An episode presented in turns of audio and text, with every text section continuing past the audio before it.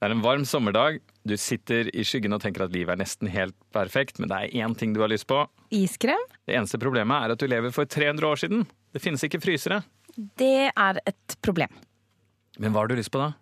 Altså, Jeg kunne sagt limonade, men jeg har egentlig aller mest lyst på iskrem fortsatt. Nettopp. Og det kan du få. Selv om det er 30 grader ute, og vi lever for 300 år siden, og vi ikke har fryser eller kjøleskap. Ja, klart det. Vil du ha iskrem, så kan du få iskrem. Ah, Da er det i alle fall ganske klart hva dagens program handler om. Om kulde, om livets søte gleder, og bitte lite grann om kjemien bak.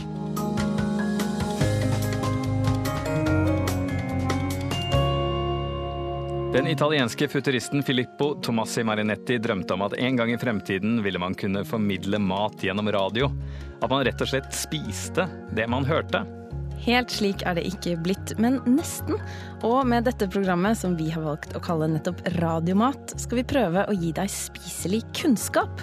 I Radiomat skal vi snakke om matens kulturhistorie, om råvarer, og matens betydning opp gjennom historien og i vår tid. Og vi skal snakke om smak.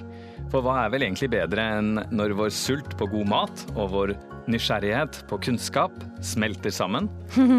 Ovenfor meg sitter kokebokforfatter, matentusiast og småbonde Andreas Vistad. Han er den eneste jeg kjenner som lager iskrem med muskelkraft. Og overfor meg sitter matblogger, radiomenneske og en god mor, Pia Skjevik, som like fullt av og til stjeler iskrem fra sine egne barn. Det er trist, men sant.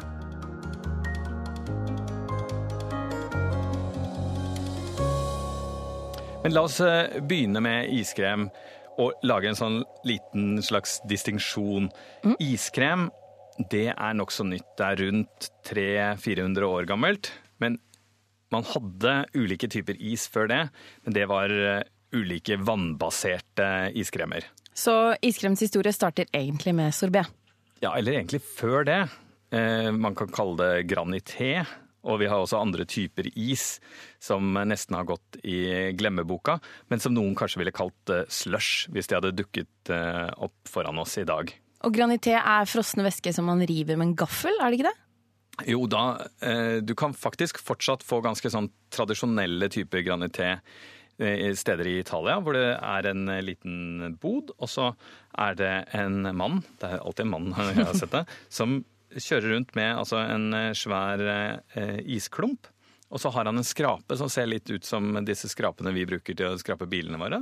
Og så bare tar han og skraper, skraper, skraper på isblokken sin. Og så tar han den eh, isen i et glass, og så tar han sånn utrolig søt sirup oppi, og så kan man spise det. Og det syns jeg er en sånn fantastisk fin tradisjon, og det er nok en tradisjon som eh, man kan si eh, minner veldig om, eh, om sånn den aller, noe av den aller første isen ble, ble nytt for eh, mange tusen år siden. Men la oss holde oss litt i Italia, da. Kan vi begynne med iskremens historie i Roma? Det kan vi.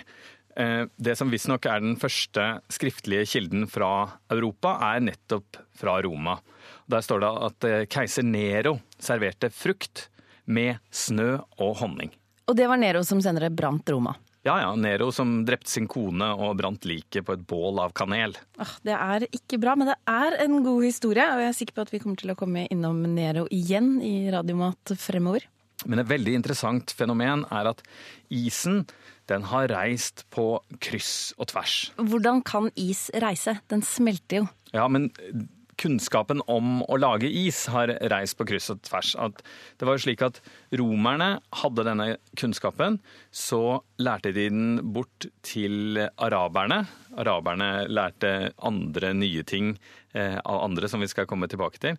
Men i løpet av den tiden så hadde eh, romerne og italienerne antageligvis glemt hvordan de skulle lage is, så de lærte de igjen av araberne, og sånn har den gått fram og tilbake, fram og tilbake. Så de glemte det og lærte det på nytt igjen over noen generasjoner? Ja, is inntil ganske nylig har vært noe som mest har blitt nytt av riktig rike mennesker. Så det har noe med sivilisasjoner eh, som har vært på toppen. De har kunnet klart å lage is. Eh, og så har, har, de liksom forfalt litt, og så er det noen andre som har overtatt. Mm. Men tradisjonen har alltid vært der ute i, i, systemet. Så ser vi jo en veldig interessant ting også. Det er at eh, iskremtradisjoner har på en måte smitta fra kultur til kultur. Og selv om man på en måte kan si at man har laget ulike typer is i Europa i forferdelig lenge, så er den type iskremtradisjonen vi har i dag, med å gå rundt og spise iskrem på pinne osv., det er en tradisjon vi har fått fra Amerika. Og de lærte det jo igjen fra oss europeere.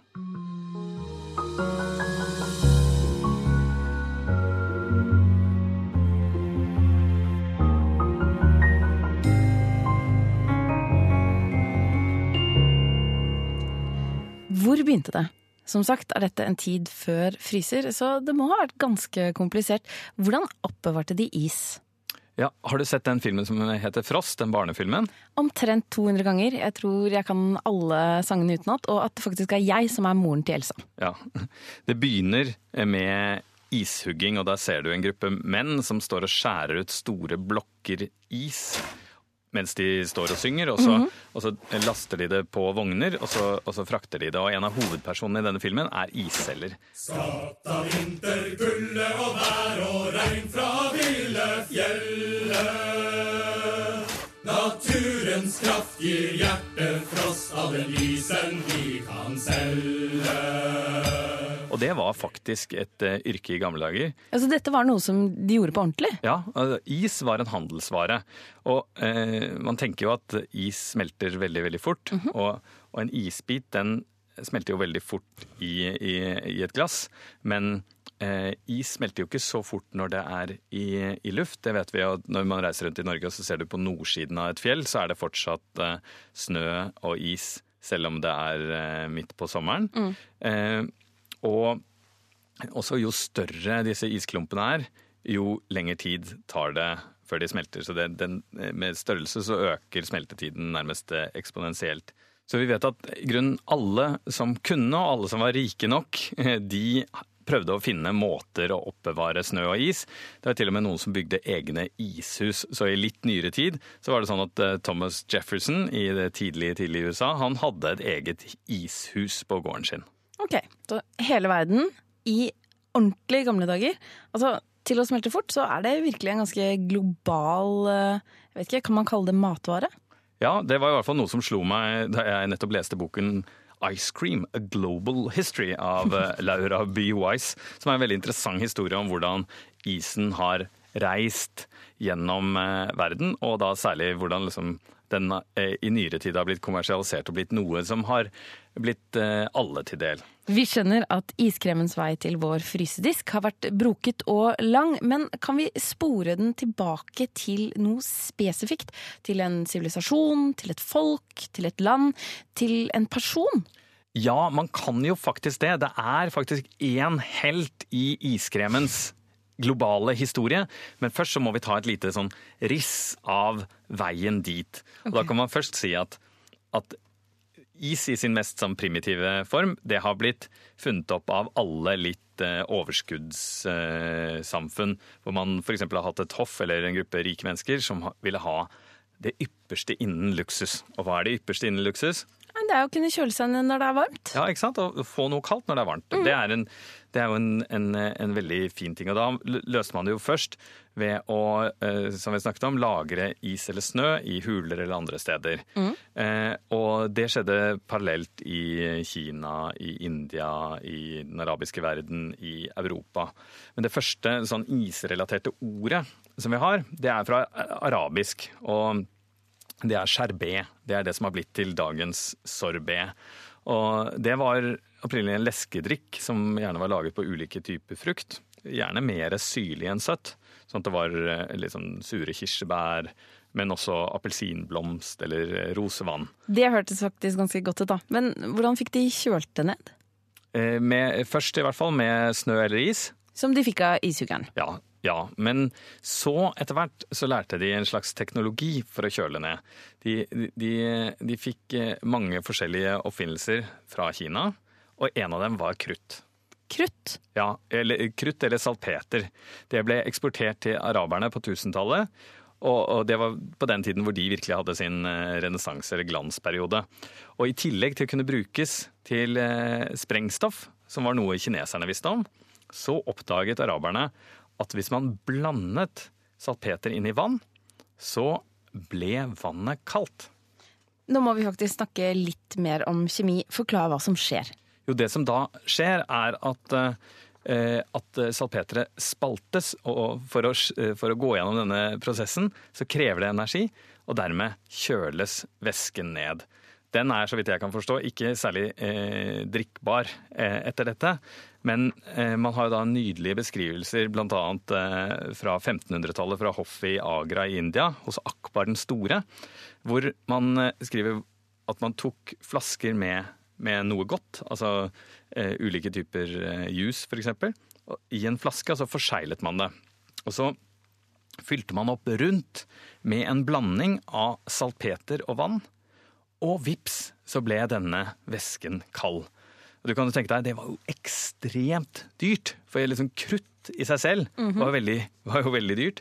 Hvis du da skulle bruke store mengder krutt bare for å kjøle vann, så det var bare noe for de aller, aller, aller, aller rikeste. Men teknologien var der. Hvis man lukker øynene, kan man nesten føle hvor fantastisk det er å få noe nydelig, søtt og iskaldt på en varm dag.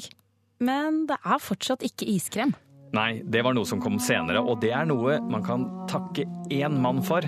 Giambattista de la Porta.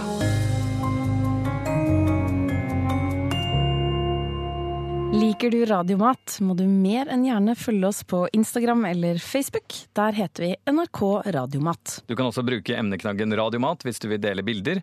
Og for å kontakte oss er e-postadressen radiomat at nrk.no. Skulle du ønske du kunne høre dagens episode igjen, eller kanskje du gikk glipp av forrige ukes Radiomat? Vi har selvfølgelig en podkast. Giambattista de la Porta er iskremens gudfar.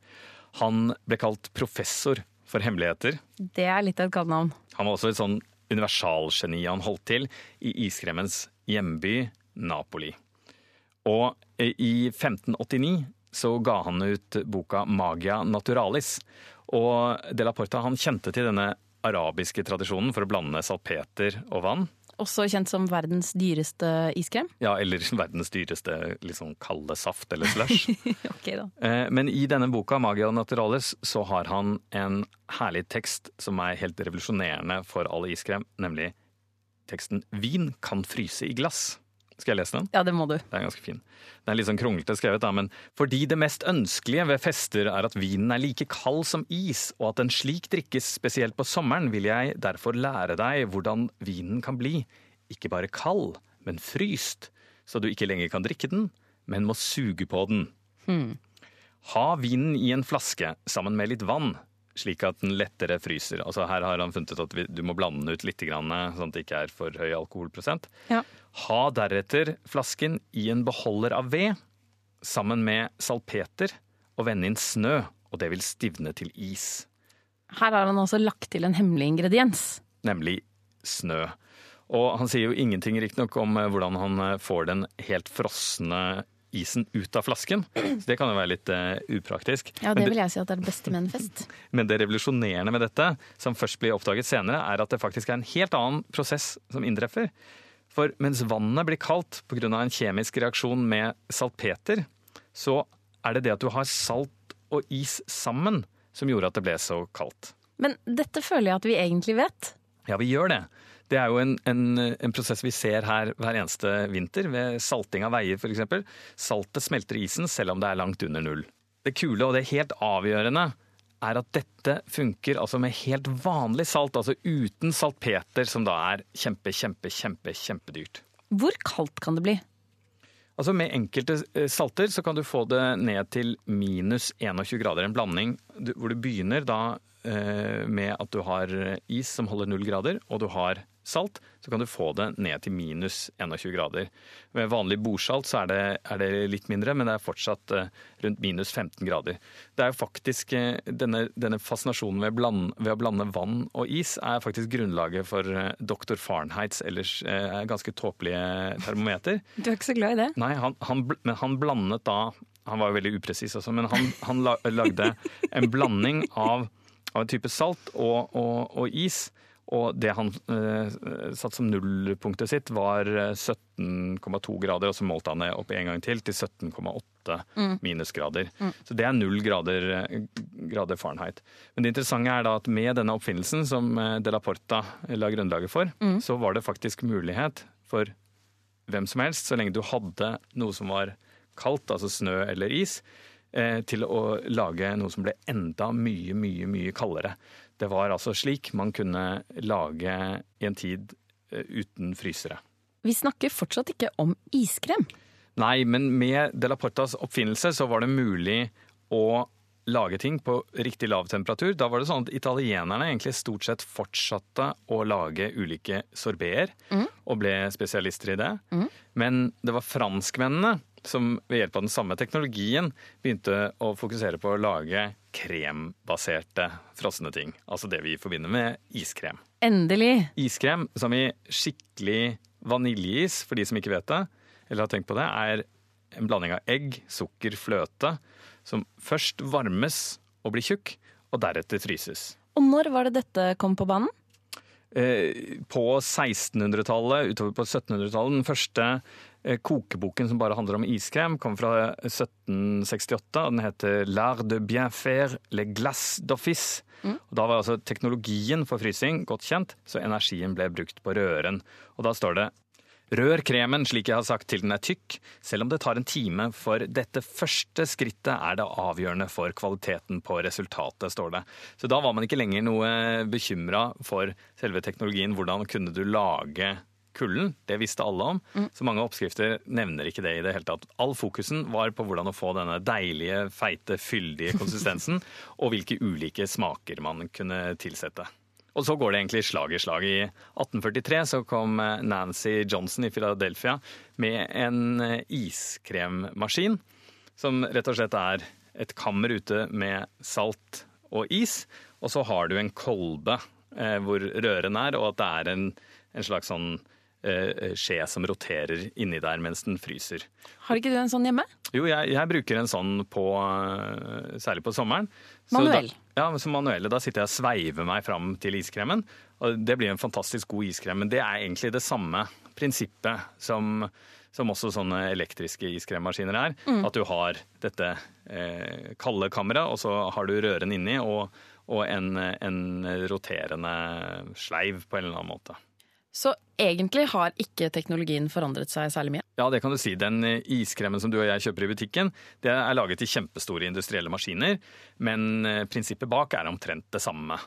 Eh, De siste par tiårene så har det vært noen forsøk da på å lage mer sånn high-tech eh, type iskrem med flytende nitrogen. Er ikke det veldig, veldig, veldig kaldt? Altså, flytende nitrogen holder jeg tror det er 196 minusgrader. Det høres veldig farlig ut. Ja, det, det kan være farlig. Altså, hvis, du, hvis du skulle helle det over foten din, eller sånn, så, så kan det være kjempe, kjempefarlig. Da får du tilsvarende en brannskade, bare, det at den er med frost. For det går veldig, veldig, veldig fort. Er det poenget? Ja, Det er et av poengene. at eh, Når du bruker eh, flytende nitrogen for å eh, lage iskrem, så fryser den ned veldig fort. Og når det fryser veldig fort, så blir det mindre iskrystaller, så da kan du få en liksom jevnere og finere iskrem. Så tror jeg også at mye av eh, poenget er at man ønsker å vise at man bruker eh, den type teknologi. Eh, Men jeg, jeg har laget det. Ja.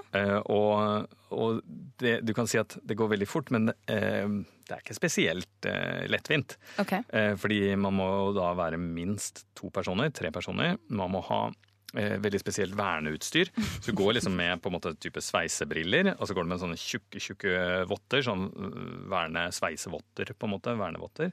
Og så hadde vi da en stor tank eh, med flytende nitrogen, som vi da hadde fått låne fra et laboratorium på eh, NTNU i Trondheim. Jeg var nede på den restauranten som het Credo. Så du kan tenke allerede der så er det nok mange som vil tenke at det, det finnes enklere måter å lage iskrem. Men så var vi i gang. Vi hadde en, en god røre i en bolle. Og så begynner jeg å piske.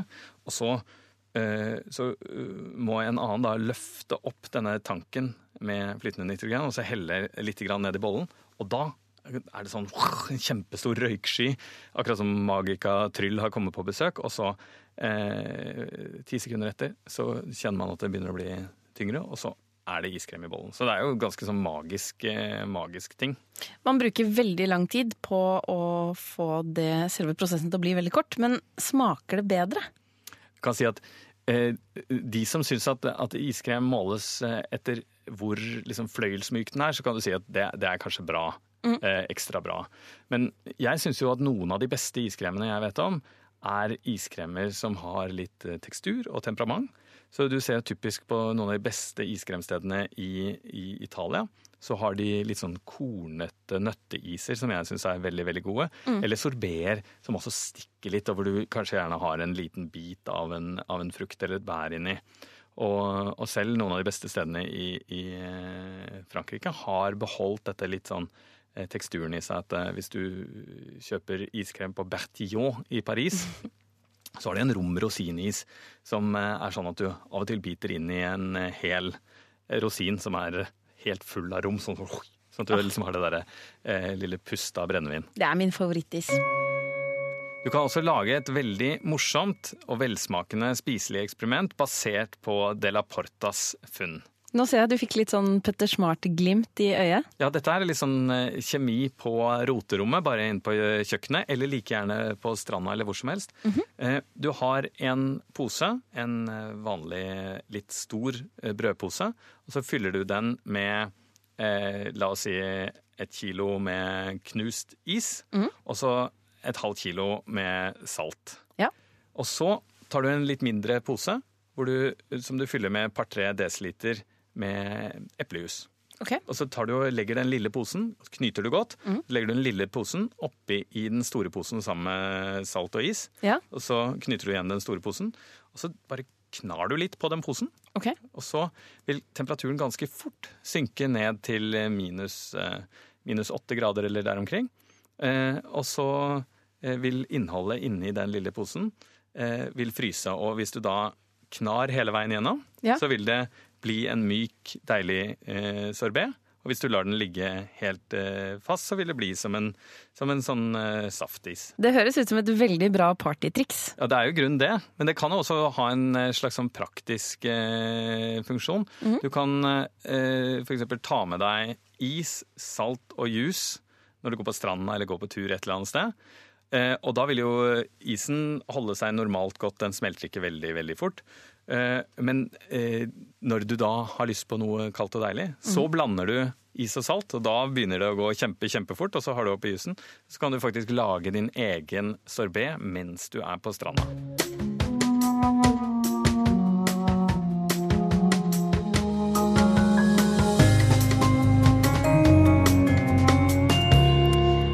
Kjære venner, er sommerens høydepunkt eh, for oss som ikke har ismaskin kommet. Andreas, hvordan lager vi vaniljeis for hånd? Det er slett ikke vanskelig, eh, men man må begynne med røra. Og det er jo likt enten du har eh, iskremmaskin eller ikke. Mm. Da begynner du med en halv liter av fløte, eller eventuelt en blanding av fløte og melk. Halv liter fløte. Ja, vi sier en halv liter fløte. Og omtrent en desiliter med sukker, eller eh, opp mot eh, to hvis du er veldig søtmunn. Jeg syns det er godt at den ikke er altfor søt. Mm. Og så tar du en eh, vaniljestang delt på to, og så skraper du ut frøene. Blander sammen dette, og så har du oppi åtte eggeplommer. Og det blir en veldig rik iskrem, men uh, du får heller spise litt eh, mindre av den. For det er det som blir den aller, aller beste iskremen. Visper mm. du det sammen, så varmer du det opp til omtrent 70 grader, sånn at du kan se at det begynner å tykne litt. Man trenger ikke termometer, du kan se det? Nei, du kan se det. Du kan rett og slett dyppe en skje oppi, og så mm. ser du at det begynner å bli liksom litt sånn vaniljesaus-konsistens på den. Og da ja. setter man den til side, rører litt, og så må man la den bli kjølig. For det er viktig at den ikke blir for varm, da kan den sprekke. Da kan den sprekke, da blir det litt mer sånn eggerøreiskrem. Ja. Eh, det er ikke veldig farlig det heller, men hvis du ser at det begynner å bli litt klumper i, at du ikke har vært helt forsiktig, så kan du ta en stavmikser og så bare kjøre den sånn at de klumpene blir eh, til mindre klumper igjen, sånn at du ikke legger merke til det. ja. Men eh, i forhold til selve innfrysningen så er det mange som tenker at det er litt hokus pokus, men da er det rett og slett å ta en bolle, helst en metallbolle, sette inn i fryseren. Og så tar man den ut eh, omtrent hver halvtime og rører. Så når det begynner å bli litt tykt, begynner å tykne litt til, så tar du den ut hvert kvarter. Og så passer man på å skrape veldig godt langs kanten, for det er der det fryser eh, først. Ja. Så skraper man det inn. Og eh, i løpet av eh, noen timer, tre-fire timer, så har man en deilig, myk iskrem. Og den har en sånn type ferskhet. Når den liksom akkurat er i ferd med å fryse inn, så har den en sånn type ferskhet og, og eh, friskhet som er helt, helt annerledes enn selv de aller, aller beste iskremene som er laget på fine restauranter. Det var eh, dessverre alt vi rakk i dagens utgave av Radiomat. Og det er ikke noe jeg bare sier fordi jeg har lyst til å dra hjem og lage vaniljeis. Du kan alltid ta kontakt med oss på e-postadressen radiomat at nrk.no. Og hvis du vil ha oppskriften skriftlig, så send oss en mail, og vi sender den tilbake. Eventuelt så legger vi den også ut på Facebook- og Instagram-sidene våre. De heter NRK Radiomat. Radiomat kan også lastes ned som podkast. Vi er tilbake neste uke. Jeg heter Andreas Wiestad. Og jeg heter Pia Skjevik.